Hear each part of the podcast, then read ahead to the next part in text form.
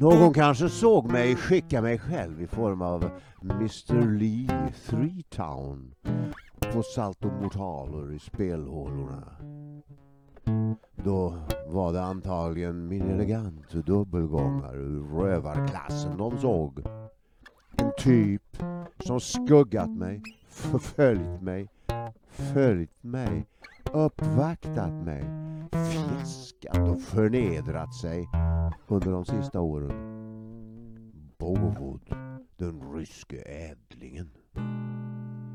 Eller också var det han von Dardel, också ur överklassen. En sinister samverkan med Alexander Orlov, svensken, som han refererade till när man talade om min olycka. Eh, doktor Lekander hade emellertid honom i sin lupp som han hade Thibault, Cordola och Denavit. Vad var det skönt att låta Madame ha allt nu, Mr Tor B och hela det mediala gänget kring Hearst putslister, sitta och bläddra i tidningarna, ringa sina gassetter och försöka räkna ut vad jag gjorde i det vårliga Paris och i det vårliga Berlin. I tron att jag var i Paris när jag var i Berlin och i Berlin när jag var i Paris. Skönast av allt var Ines. Jag vågade knappt tro det var sant. Se där, rädsla igen. Ja, en sak var att äga Tysklands hjärta. Men att äga Ines hjärta var överväldigande. Hon var beredd att gå hela vägen ut. Jag varnade henne och menade att jag inte var rätt man för henne om hon ville ha ett lugnt och stilla liv. Jag satt där jag satt och hade plikter som en tyngd kejsare och endast det faktum att ingen visste att jag gjorde vad jag gjorde och vad jag var gjorde att sovrummet inte härjades av ryttarhorder. Du kan sannerligen kombinera ett känt namn med en okänd bärare av det. Det är ingen som vet någonting om dig egentligen. Vem är du, Vivar? Hennes vackra mun drogs ut till en munter skönhet. Det är säkrast för dig ju mindre man vet om mig. Men för dig kan jag berätta att jag är en man från en liten stad i Kalmarsund med ovanligt lugnt sinnelag. Jag tror att jag vet vad som är fel och vad som är rätt och jag satsar på röda och välsmakande äpplen och trovärdiga projekt. Om jag presenterar ett prospekt där vi två har barn och sommar i skärgården tillsammans. Vad gör du för bedömning då? Hon hade vunnit. Ja. En slagen man. Jag kände hur det nästan blev alldeles tomt inom mig. Det var hennes lycka jag var rädd skulle gå förlorad om hon gifte sig med mig. Där satt den rädslan. Jag visste att alla gamla patroner förr eller senare skulle gå under och att den nya tiden skulle komma med hög fart och att eh, LM Ericsson drog telefontrådar till alla och en var. Och, och det skulle komma med hög fart och att och att JP Morgan hängde som en fladdermus i ITTs nät och försökte höra vad jag sa till folk. Han hörde utmärkt. Plötsligt hade han stuckit till kung Alfonso och Primo de Riviera, fem miljoner pesetas och LM Ericsson fick helt oväntat kalla handen i Spanien. Jag kunde ringa till statsminister Ekman och säga att nu säljer jag hela mitt innehav av Gränges. Han svarade förskräckt att det skulle ju eh, kunna bli en katastrof för Sverige.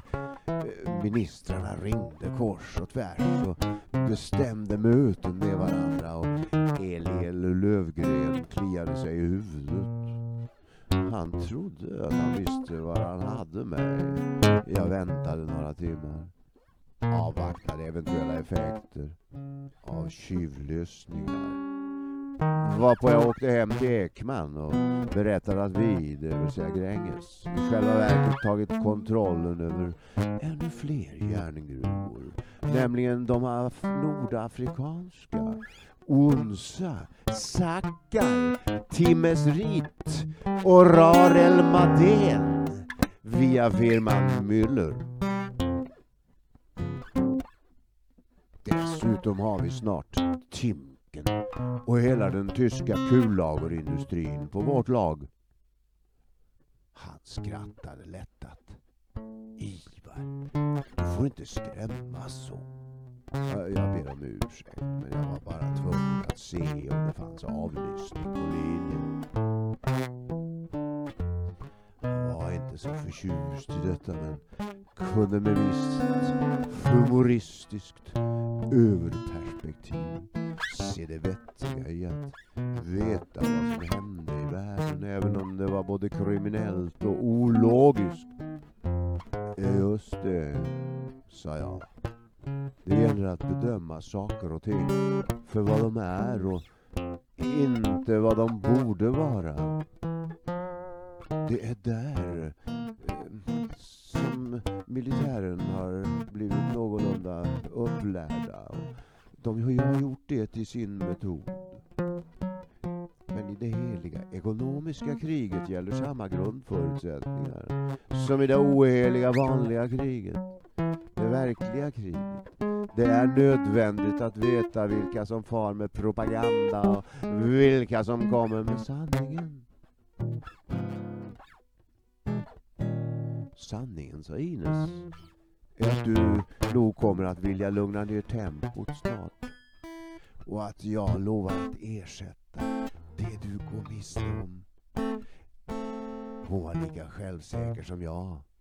Hon visste sitt värde. Och jag visste det och vi kunde inte säga mm till varann. Jag sa ja till allt hon bad mig om.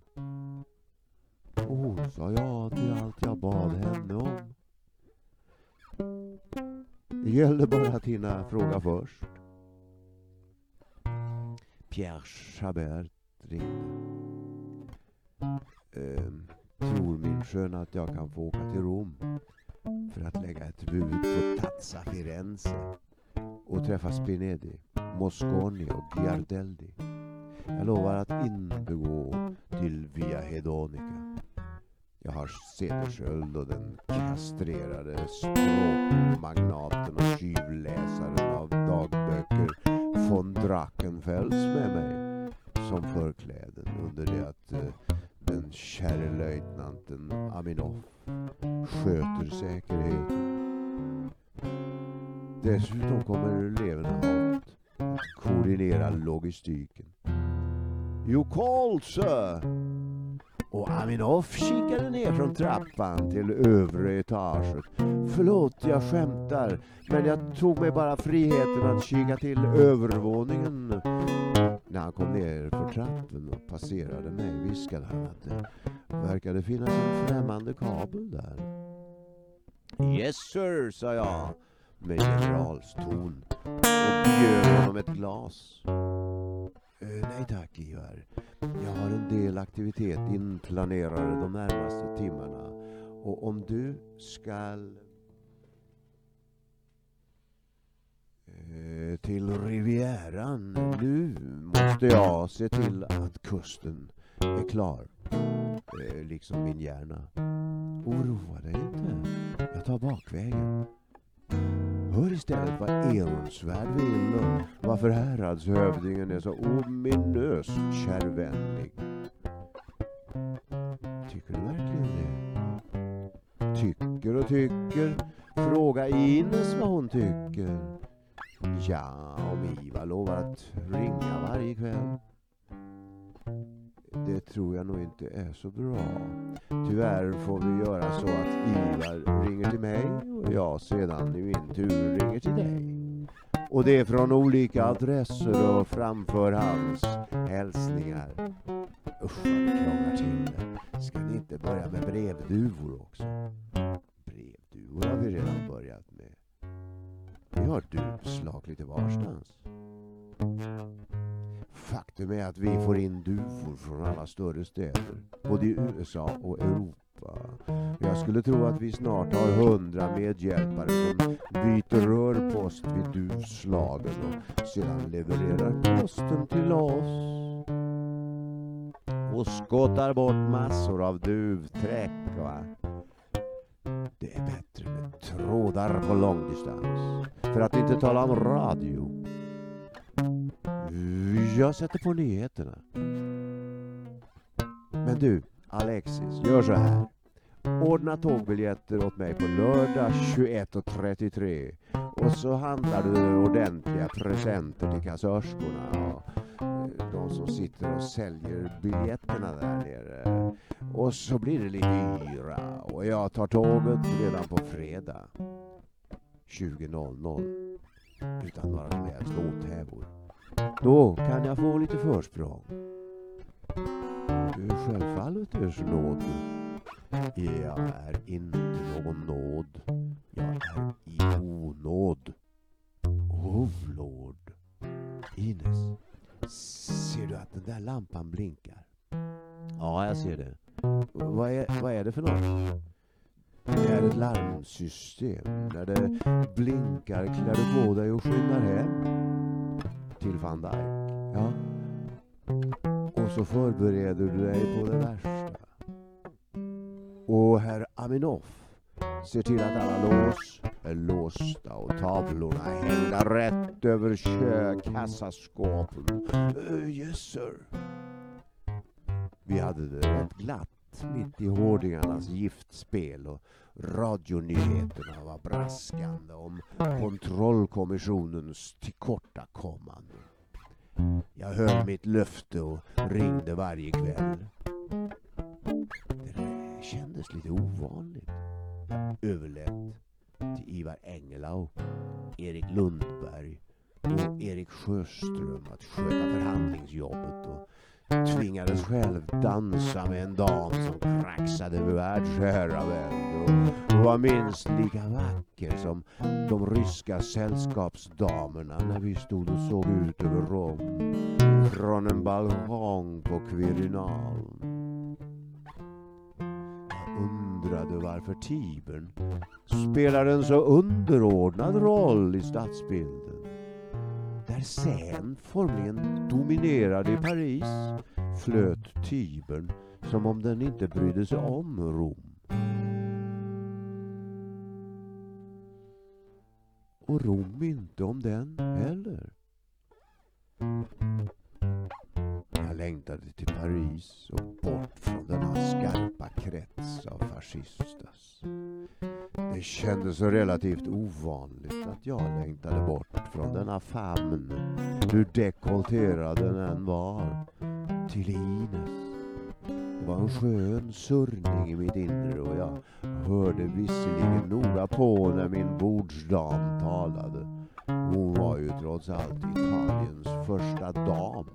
Men det var något som gjorde mig aningen okoncentrerad och samtidigt salig i allt Ines var och stod för.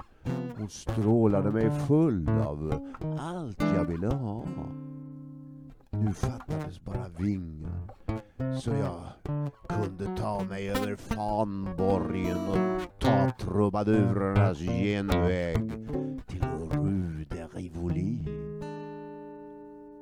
Mamma visste det. Alla mina systrar visste det. prinsessan Babisco, grevinnan Ingeborg Wachtmeister, grevinnan Bonde, min goda vän Itta Sant, Mrs Åberg, Karin, Göta, Mademoiselle Baron, Fräulein Werther, Fröken Ebert, Fröken Lee, Where are we? Mary Pickford och Greta Garbo. Alla hade de märkt att jag var öppen öronen kär. Och det var blomster, fler än någonsin i omlopp. Och jag lät det blomma överdådigt varhelst jag befann mig. Med blomsterfrakten ville jag kanske visa att generositet kunde vara lönsam. Om generositeten kombinerades med nyskapande kunde man eh, både äta kakan och ha den kvar. Det fanns inga förlorare. Jag la ner en förvånansvärt stor möda på att vara pedagogisk i denna avgörande grundfråga i mitt liv. Jag gjorde som i naturen. Jag gav bort och fick mer igen. Ines såg det tydligt och frågade om jag inte lika gärna kunde ge bort alltihop. Ja, kanske det. Det är många som i så fall måste harmoniera sina viljor och den stora svårigheten ligger i att hålla ihop det hela som är mer än sina delar. Goodwill you know. Genom att vi har gruvorna, energiproduktionen, cellulosan, textil, kullager och fordonsindustri, rederier, fastigheter, tändsticksmonopol med vidhängande kemisk industri.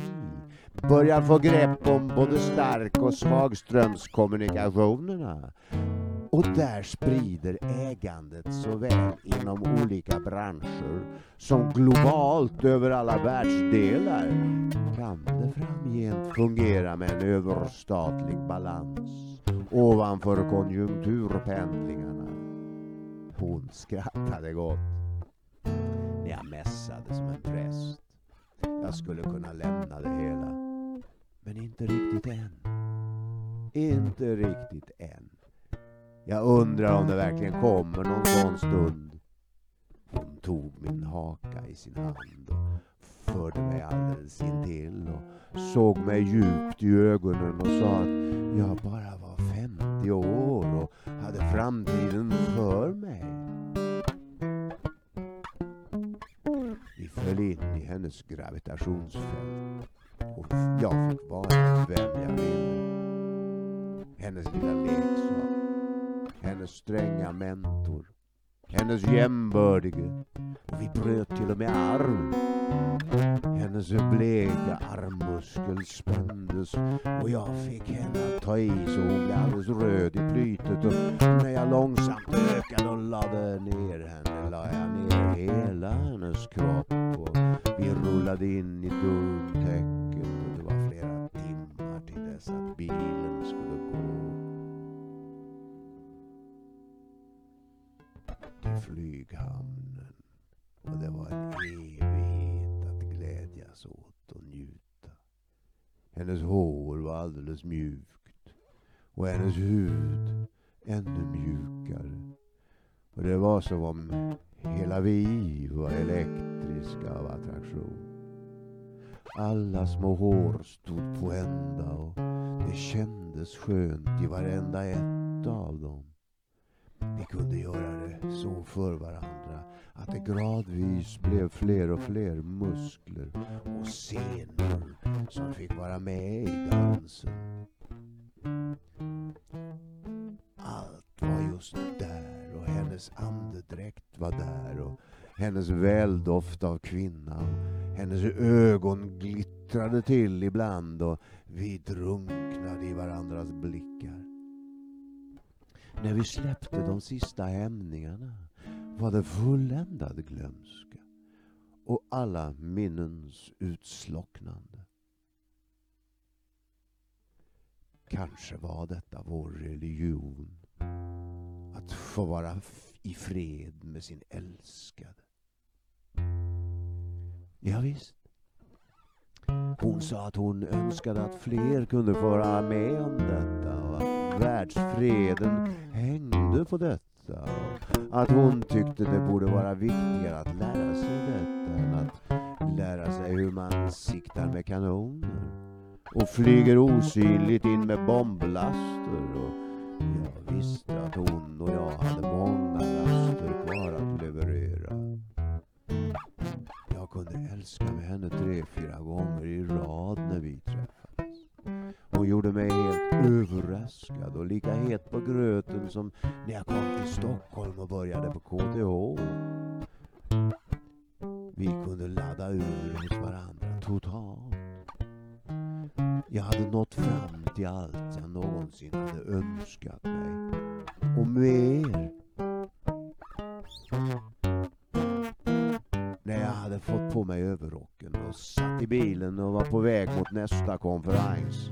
Jag hade till en ny roll som liknade skådespeleri. Att stå på ett talarpodium och försöka övertyga om att Europa inte behöver ett krig till. Jag hade lika många goda argument som någonsin Aristide Briand, Albert Einstein, Frank Billings Kellogg och Nicholas Murray Butler. Och det var inga svårigheter att formulera dem heller. Visserligen hade nu kampen blivit lika hård som våra fiender var hårda. Varför skall nu en gång världen se ut som den gör? Jo, hur ser den ut? Jo, nu ser den ut som jag ser den. Eller? Hur ser jag den? Ur personlig individuell synvinkel ser jag den med mina egna ögon. Och ju mer jag känner dess flämtande ombytlighet, hunger efter guld och sensationer, ju mer ser jag den som en orm, en Midgårdsorm som hatar den fria och oreglerade världshandeln. En protektionistisk orm, en låsande förbudsorm, byråkratisk och kvävande slingrig. Mina argument för en monopolavtalsreglerad världshandel med olja uppfattades som argument för en stabiliserande inverkan på världspolitiken.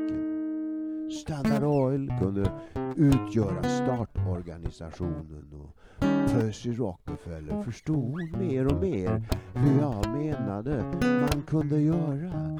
När jag visade hur vi gjort med IMCO såg han faktiskt hur det kunde göras i verkligt stor skala på den expanderande världsmarknaden för olja. Kunde de komma över antitrustlagstiftningarna hemma i Amerika. Jag förklarade hur vi gjorde avtal med nationalstaterna direkt. Där vi erbjöd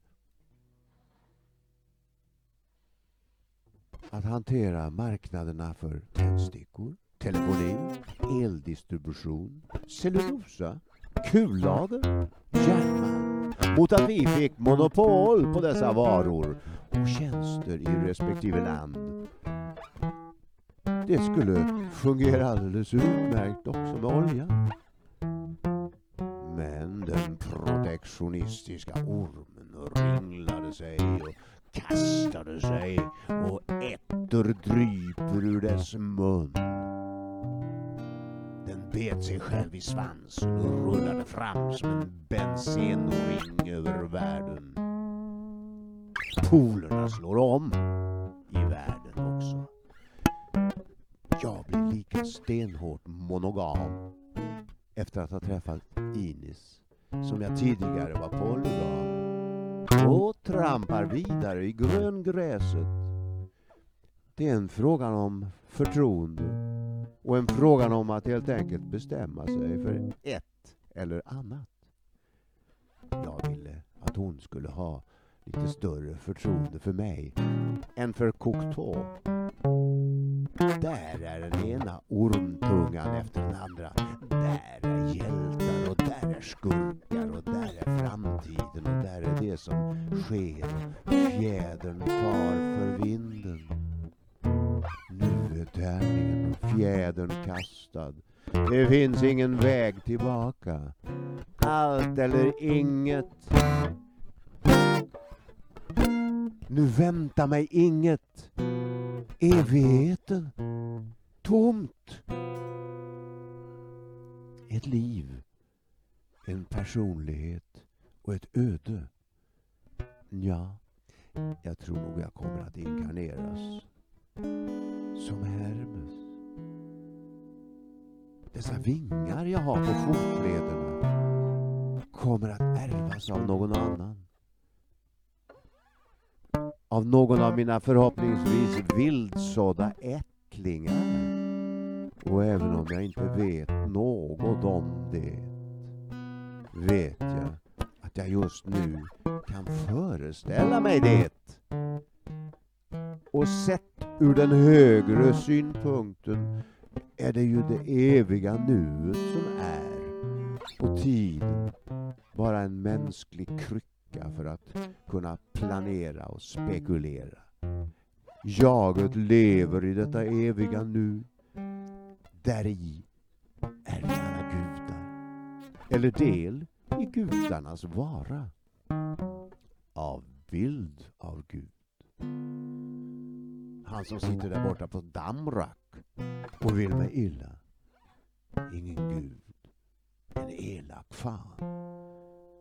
Breitmeier, Dunkelsbuler, Banato och kompani satt där och gjorde upp sina välslipade planer. Man får fiender ju mer man gör det svårt för folk att bli rika på parasitisk hantering. Det är en allt mer påtaglig sanning att man nu skuggar mig dygnet runt.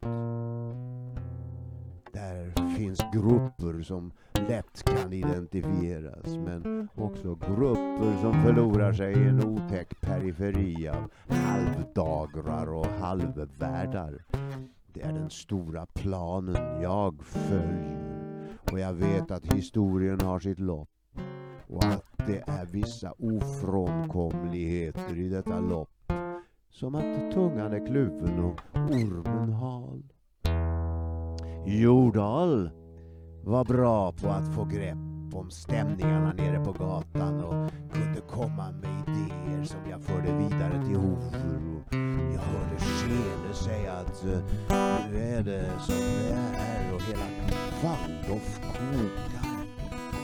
På Netherland hotell möts en lång rad mystiska personer som dansar på tillsammans med Basil Sacharov.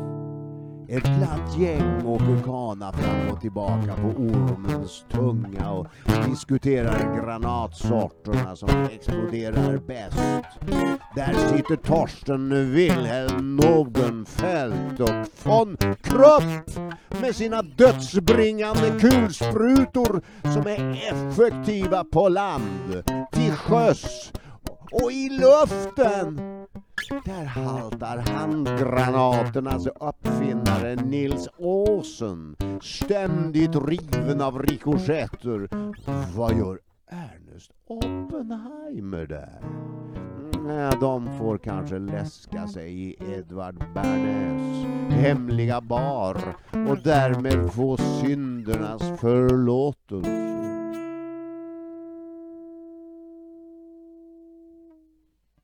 Och samvetsfrid.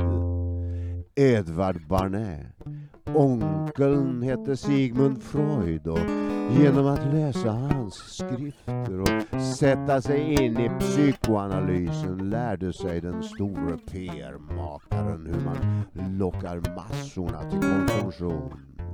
Han lärde sig vad man kan säga och vad man inte kan säga när man vill sälja. Han förstod att det undermedvetna var en mäktig, eh, ett mäktigt instrument för för köplustens underblåsande reklam. De stora konsortierna konsulterade honom i ett kör. Syndernas förlåtelse fick även säkert Morgan som djupt troende katolik när han biktade sig. Det är bara det att man kan inte förstå sig på Vatikanens lära att allt är tillåtet om bara målet är gott. Gott? För Gud, den ende. Vad han ville bestämde kardinalerna i alla tider. Och Pius den elfte deras nye regeringschef. Hur vet man att de vet rätt och gott? Det bara är så. Det är bara att acceptera. Man använder sig av vapenmakt stoppar hedningar och andra Guds fiender när de vill något riskabelt. Står passiv när kristna bröder och systrar i Armenien samlas ihop och jagas ut i öknen för att dö. Bara för att oljan ska flöda säkrare från den outtömliga källan. Där fattas religiösa beslut och där fattas världsliga beslut. Där stannar Armenien Carlos Gulbenkian. Han stannar kvar och mot alla odds behåller inflytandet i Baku. Han var också en stor samlare. Han visade mig sina skyttiska guldsmycken. Herst var också samlare. Han visade mig sina svarta faraoner. Morgan var samlare. Och han visade mig Paradise Lost i originalupplagan. Vanderbilts var samlare. Och de visade mig sina fastigheter. Jag lärde känna dem redan under mina första år i New York och fick genom dem inblick i den absoluta framgångens metoder. Pappa kände rik Vanderbilt och rekommenderade mig. Och jag fick den vägen flera fina anbud. De visste att det var jag som ägde Rembrandts vandrande etsningar nu. Många av dem hängde i min vintergarden vid Central Park. Där var tidens mäktige gjorda till historia av geniets blick och förmåga att avbilda. Där hängde Rembrandt Hermes van Rijn själv. Och där hängde konsthandlaren Clement de Jong. Där hängde Dr. Faust. Och Gould och Roosevelt var mina kötsliga grannar. Och Roosevelt hade med kraft i allians med Hörstpressen dragit igång expansionisternas kampanj för att göra Amerika till det världsledande imperiet. Filippinerna hade civiliserats. Kubanerna och hawaiianerna likaså. Hela världen skulle civiliseras. Och Hearst var en av de mest fantastiska samlarna. Han kunde gå över lik för att få tag i någon farao i svart granit. Nederländerna höll sig framme i New York. Nederländerna uppfann aktiebolaget. Kanske var det pappas konsulära förtjänst att jag nästan blev nederländare jag också och medlem i ett litet frisiskt sjöfararsällskap. Just efter Oslokonventionen förresten. Ibland var jag inviterad till Club Carlton i New London och informerade om jordförbättringsprogrammet på Pustan. Där jordarna skulle fördelas mellan olika bondesläkter och italienarnas utdikning av de pontinska träsken. Med vårt benägna bistånd och amerikanska täckdikningsmaskiner som jag hade hyrt in och vad det skulle innebära i produktionsökning i det italienska jordbruket. De södra delarna av gamla Etrurien som en gång varit bördiga åkrar försumpades under romartiden och invaderades av malariamygg men skall med moderna irrigationstekniker återblomstra. Åh, jag såg fram emot att få väck myggen. Och jag informerade om hur delaktig jag var i det rumänska rekonstruktionslånet och vad man internt hoppades få ut av det. Jag berättade om hur Jean Monnet såg på möjligheten att få igång den rumänska ekonomin med mitt moderata bidrag på 27 miljoner dollar.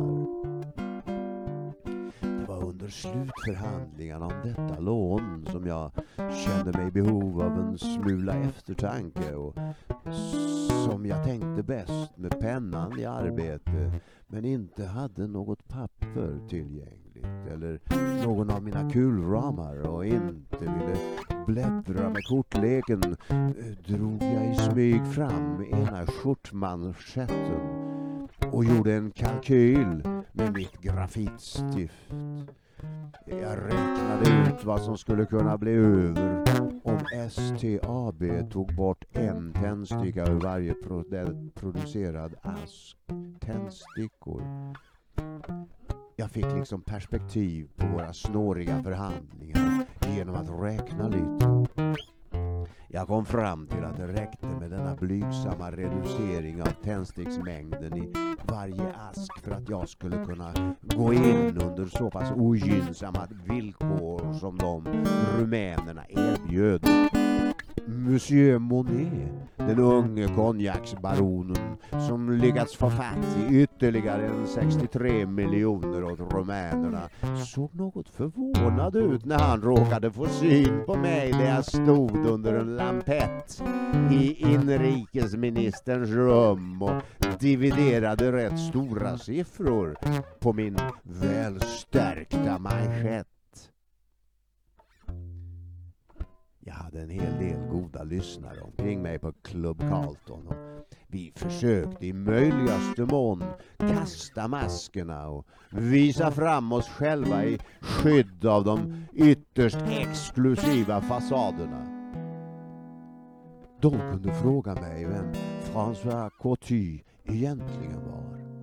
Jag förtäljde dem att han var lika ointresserad av att kännas igen på gatorna som jag och att han lyckats lika bra som jag när det gällde anonymitet.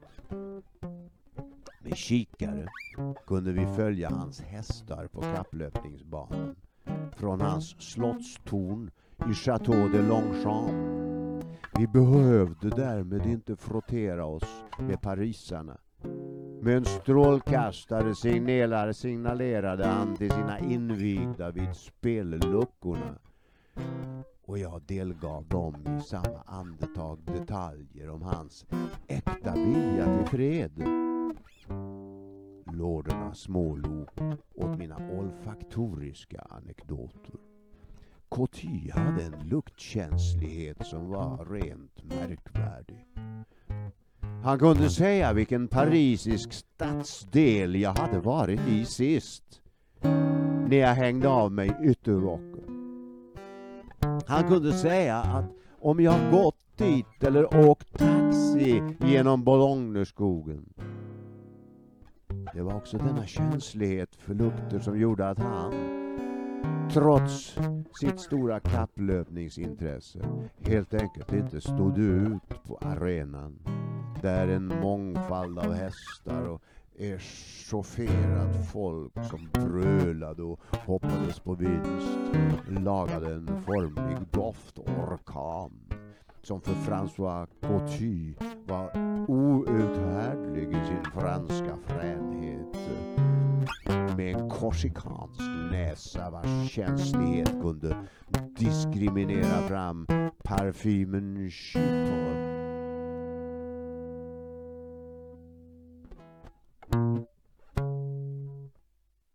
En sällsam känslighet för vad människor ville se och känna doften av arbetade han efter 1917 samman med en av världens mest kända juvelerare, René Lalique och tog fram parfymflaskor som var perfekta små glaskonstverk.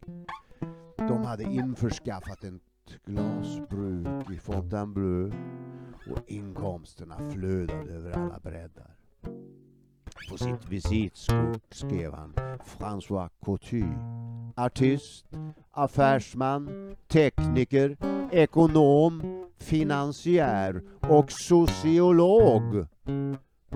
Trots de goda lyssnarna som inte skyggade för mer eller mindre ovidkommande detaljer blev det väl mycket etikettrytteri på Club Carlton där man sannerligen inte heller drog sig för att visa vem man var och hur mycket inflytande man hade.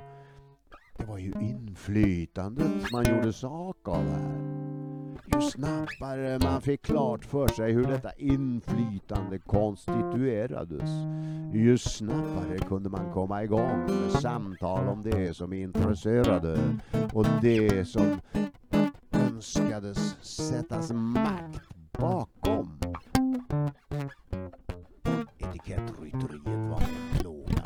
Hur mycket jag än förstod dess koder och det var därför alltid lika skönt att rymma till havs och ge sig av hemåt. I Paris väntade Ines på att få promenera med mig på Boulevard Haussmann. I New York väntade hårda affärssamtal på Park Avenue. I Berlin var det en hel del människor som väntade att jag skulle komma hem till mina liljekonvaljer på Brandenburger Tor.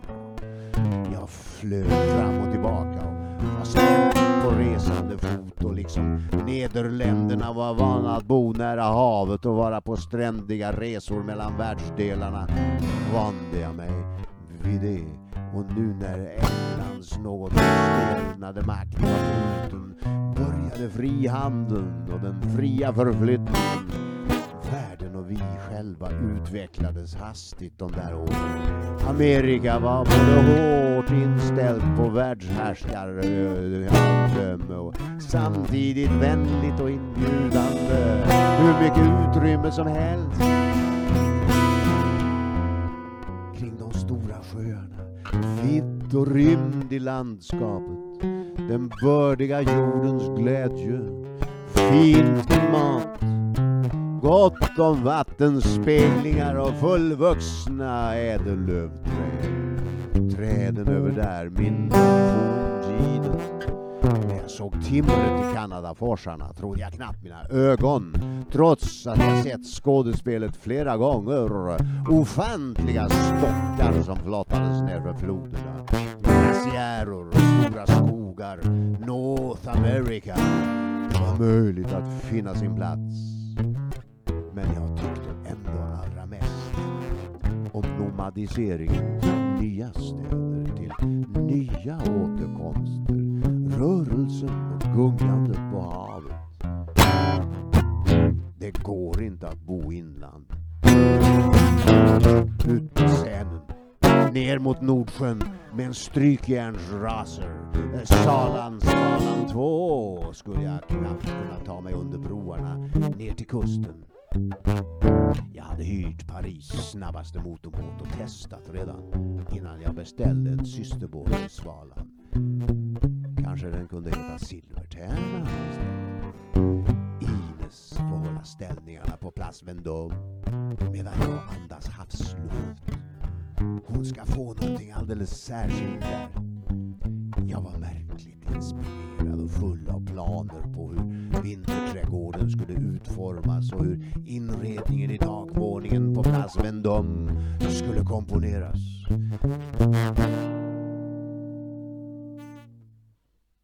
Ines tyckte det var spännande händer sig ett närmast osynligt paradis högt upp i en storstadsfastighet. Hon löste om de mytiska hängande trädgårdarna. Hur de antagligen hade konstruerats. Underverken är nog fler än sju, sa hon och tog mig under bältremmen.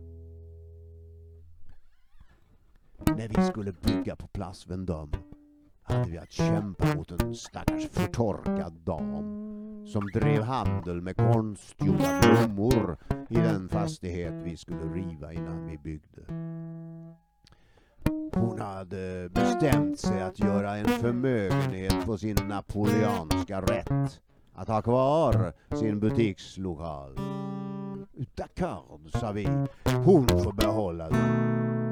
Vi satte igång att riva allt utom hennes lokal.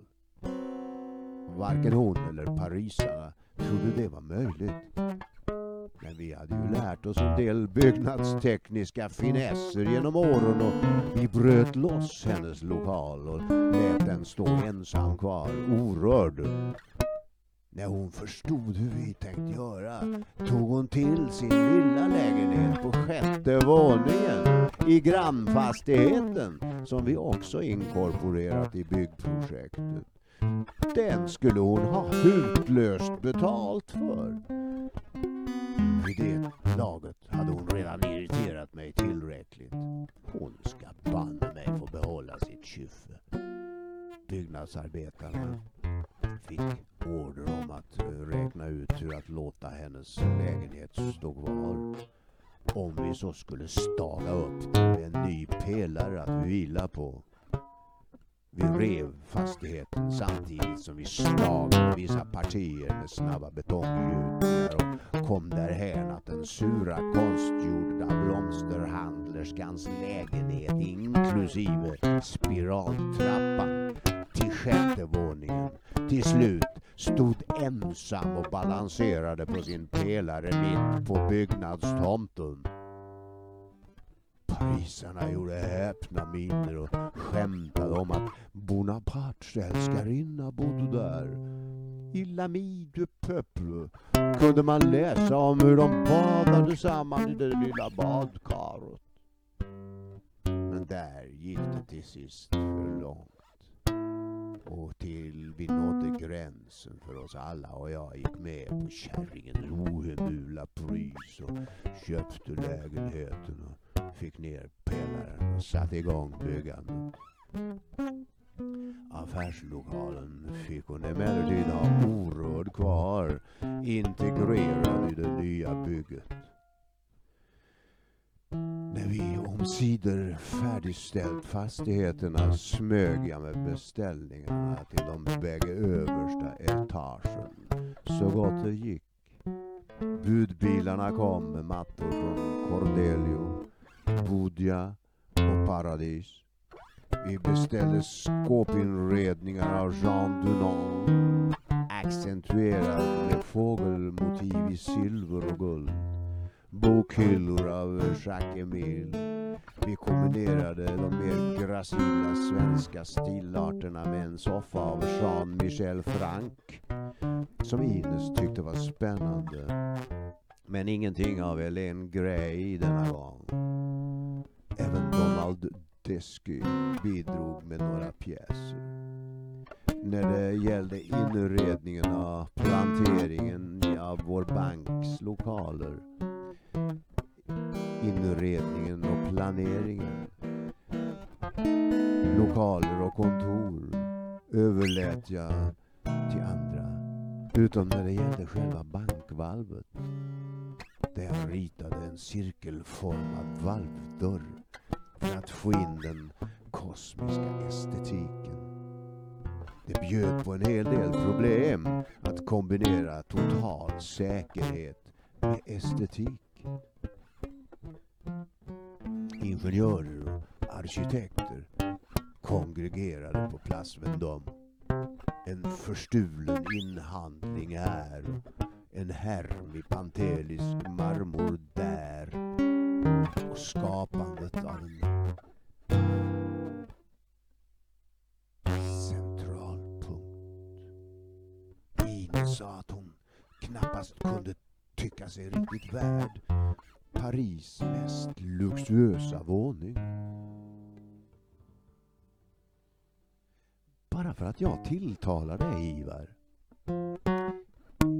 Inte för att jag kan något. Jag svarade att hon kan något som ingen annan kan. Hon menade att det var något som hon liksom naturligen hade i kromosomerna och inte något hon kunde vara vidare stolt över. Att tjäna pengar ligger i mina kromosomer, sa jag. Det är inget jag är stolt över heller. Men dig vill jag ha med mig när jag tänker på framtiden. Du är där, i den framtiden. Jag råkar ha fått möjligheter att bygga ett hem här och, och du råkade födas till det vackraste som finns. Slumpen har fört samman dessa kromosomer. Låt dem trivas och ha det skönt. Du får hitta på vad som helst där uppe och jag ska se till att det förverkligas. Bara du inte får hitta på vad som helst. Bara du inte kommer dragande med någon ofantlig jugendsoffa eller några spinkiga Bauhausstolar. Ingen fara. När det gäller konsten vet du att fauvismen är min passion. Förutom dig. Men vad är det för konstigt med mig? Du är en välgjord eh, ett välgjort konstverk. Finlandssvenskan var tung som midvinternatten. Ja, man tackar, man tackar. Du är ganska välsvarvad själv. Törs jag komma med porträttet som Cocteau kastade ner? Det beror på hur du har tänkt dig ramen, sa jag och menade motsatsen. Ser ut så här, sa hon och stack fram en miniatyr. Ja, se där. Frisyren är väldigt lik, men eh, frågan om det är du. Ja, jag tycker nog att han har lyckats på något vis. Har du läst hans böcker? Oh, otäcka barn han beskriver. Tror du han har haft det så själv som barn? Eller är lika olikt honom själv som han tecknar dig olik dig själv? Tur i oturen, vem vet? Jag för egen del använder sällan långa halsdukar och om jag skulle ha någon så skulle jag ha den noga instuvad innanför kappan och uppvikt krage när jag körde cabriolet.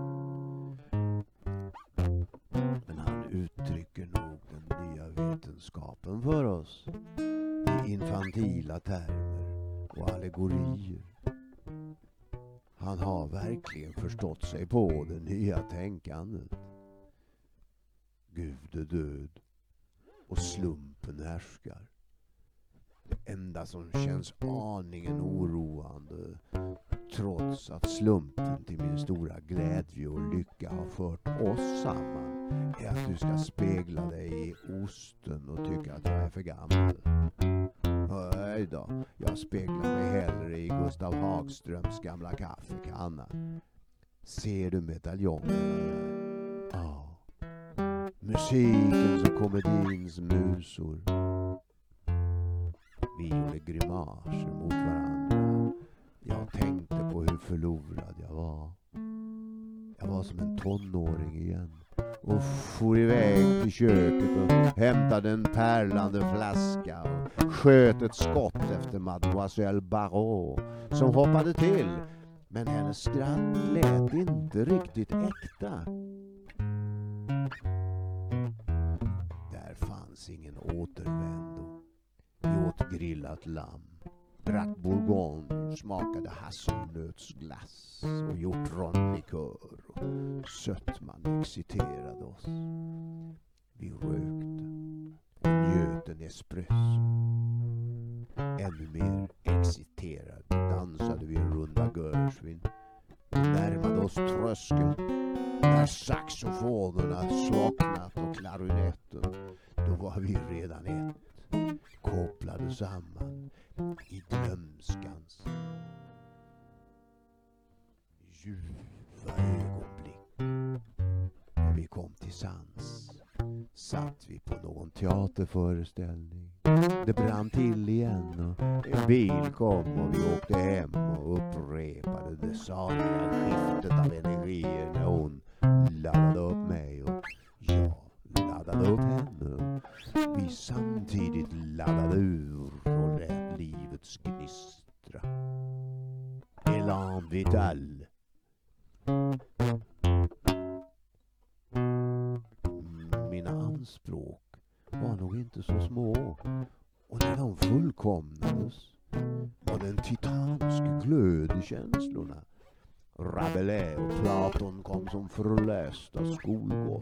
och tittade på. Livet? Jaså, är det så det är? Jag hörde Sokrates daimon i mitt öra. Vet först, handla sedan. Vad vill du? Skrotuminus testiculi orchis. Vet du vad du vill?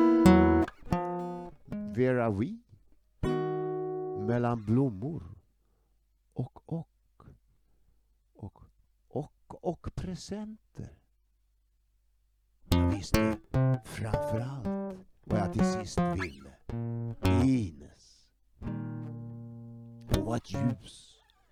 Ett tillstånd av liv. Av värme.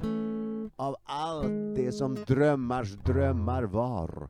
Jag skrev av mig romantiken och gjorde det hieroglyfiskt i dagboksform. Jag hade försäkrat mig om att Place Vendôme var ett fredat område. Vi hade skyddsvakt där. Han stod på sin kolonn. Hon sa att vi också alltid kunde hitta fredade områden i den österbottniska skärgården. Vakten där var en av hans generalers ättlingar själva den ödsliga vidden och fjärdarnas vida vatten. Reträtter måste man ha. Jag blev glad när hon sa det och visade att hon inte heller kunde vara utan havet och hennes relationer till den finska seglarsidan blev med tiden allt bättre. Och hon ville mena att hon hade sett ut i ett sagolikt läge. Hon hade sett ut ett sagolikt läge för vår framtid naturlig hamn och massor av obebodda öar omkring. Där kan vi bygga ett annex till din Rosenö i din älskade Swedish Grace-stil. Vi gjorde sommarturer till mina öar i Stockholms skärgård och jag försökte tygla hennes besvikelse när jag fick en telefon och var tvungen att resa in till staden. När vi är i Österbottens skärgård når dig inga telefoner. Och du tror att jag skulle kunna leva utan dem. Skulle du inte det då? Kanske när Brian Kellogg-pakten är implementerad och de första konkreta stegen mot europeisk enighet är tagna med Osloavtalet. Ja, det är bra Ivar. Den dagen är snart inne. Till och med Sovjetryssland har skrivit under. Ja, faktiskt. Men vänta, jag törs inte lova. Där ser du. Du kan inte leva utan telefon. Du har ju en i bilen till och med. Jag reste vidare och kände mig på något sätt som om jag var på reträtt. Jag gav bort mer och mer. Utförde uppdragen till lägre och lägre kostnad. Ju värre människomassorna hade det.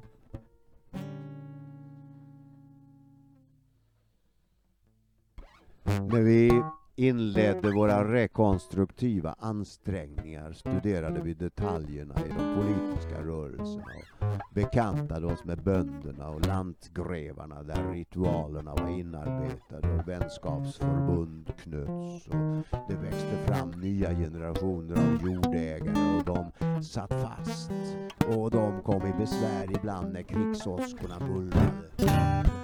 Likadant generation efter generation nya problem, nya moden.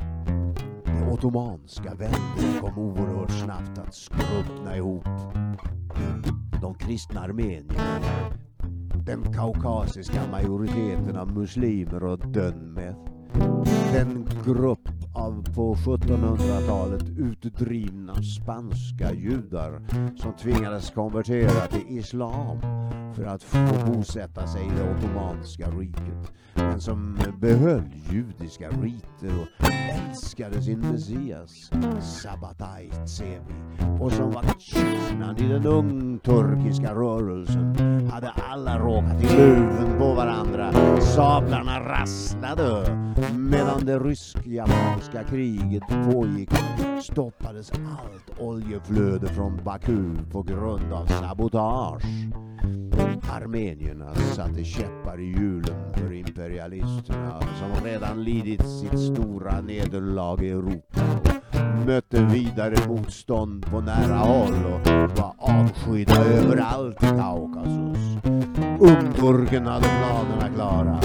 Emanuel Karasu organiserade sultanens fängslande och därmed det ottomanska imperiets slutliga sammanbrott. Den terroriserade ungturkiska staten såg sedan överraskande till att det armeniska problemet fick sin slutliga lösning. Armenierna satt som fångade i ett spindelnät. De själva spunnit med sin intelligens och ekonomiska makt. Det internationella informationsflödet hade tilltagit med radion och det blev bättre och bättre telefoner och man fick reda på saker snabbare och snabbare. Världens eter började fyllas av information och desinformation. Folk som rapporterade i radionyheterna hade sällan alla vinklar klara för sig. Man hade en mängd begränsningar kvar som människa i den moderna, obegränsat moderna världen. Det gällde att komma ihåg det. Bara för att en rapportör lät allvetande var det ju inte säkert att vederbörande var det. Det var ett turistande resande utan like som hade tagit sin början. En veritabel stående våg av folkvandring.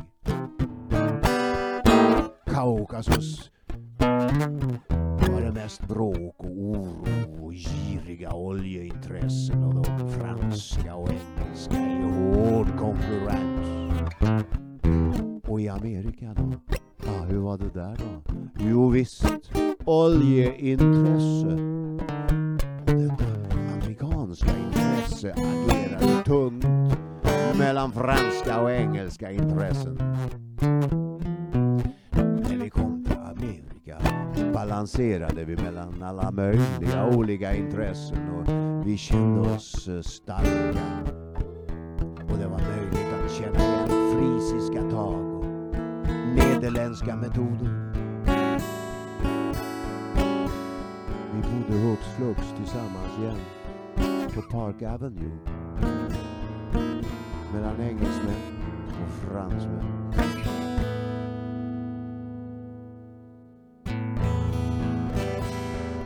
Var bodde jag mest? Var trivdes jag bäst? Jag trivdes bäst tillsammans med Ines. Vare sig vi satt på Café de la Paix eller gungade i hennes säng på Rue de Rivoli med batterier av Veuve Clicquot på kylning.